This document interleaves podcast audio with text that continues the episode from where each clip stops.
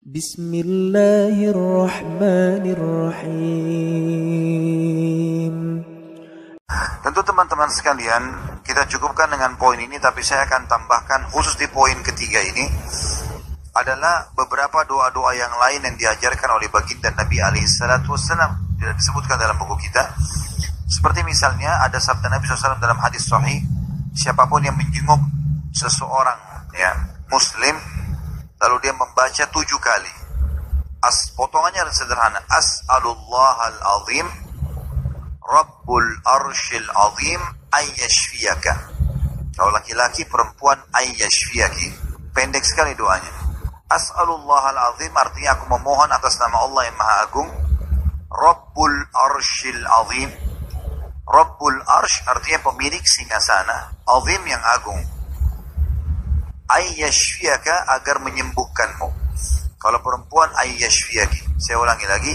As'alullah al-azim Rabbul Arshil Azim ayyashfiyaka atau perempuan yashfiyaki ini dibaca tujuh kali apa kata Nabi SAW mulia sekali kalau dia mengucapkan tujuh kali di depan saudaranya muslim yang sedang sakit maka pasti pasti Allah sembuhkan ya selama ajalnya belum datang kalau ajal sudah datang nggak bisa lagi sembuh jadi ada jaminan kesembuhan ini bahkan tidak ada apa-apanya dibandingkan resep dokter.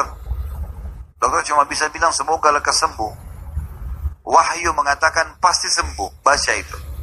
Tujuh kali. Dengan tenang, fahami maknanya. As'alullah al-azim. Aku memohon atas nama Allah yang maha agung. Rabbul arshil azim. Pemilik singgasana yang agung. Ayyashfiyaka agar menyembuhkanmu. Riwayat yang kedua adalah, riwayat juga disebutkan dalam hadis sahih kata Nabi SAW, siapa pun yang sedang sakit, dia buat dirinya sendiri atau orang lain. Lalu dia memegang tempat sakitnya, misal dadahnya, misal kepalanya, misal perutnya, ya. Dia pegang, lalu dia membaca juga tujuh kali. Bismillahi, a'udhu billahi, min syarri ma ajidu wa uhadiru. Pendek sekali. Bismillah dengan nama Allah, a'udhu billah, aku berlindung kepada Allah, min syarri dari semua keburukan. Ma ajidu apa yang sedang aku rasakan. Wa uhadhiru dan aku khawatir darinya.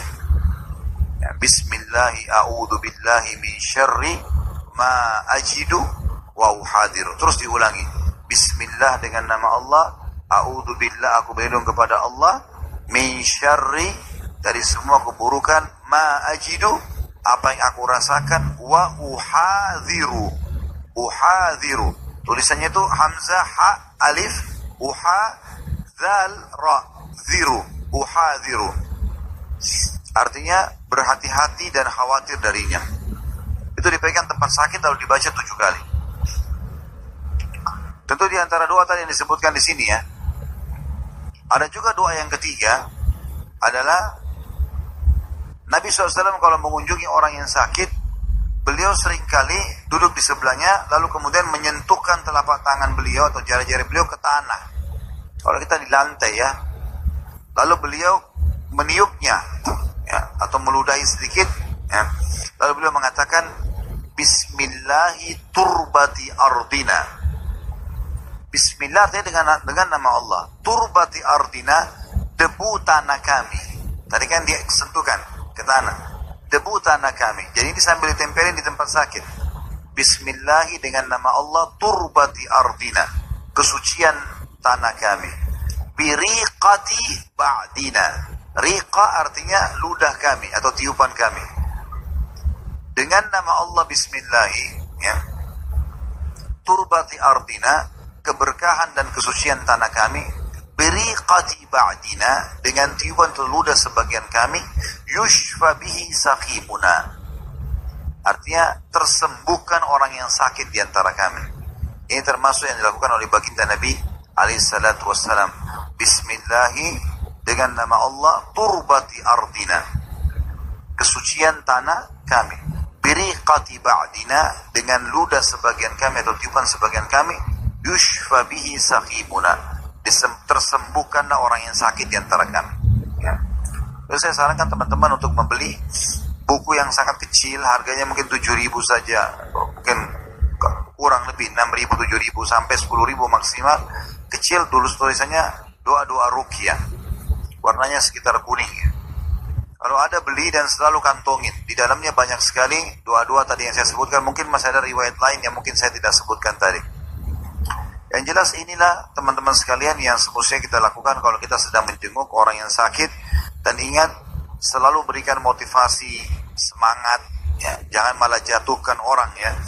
Jangan malah bilang kayaknya parah sekali penyakitmu nih ya. Dokter aja biasanya kalau sudah parah pun dia masih mengatakan ada harapan sembuh. Ada insya Allah. Berikan motivasi yang besar. Ya.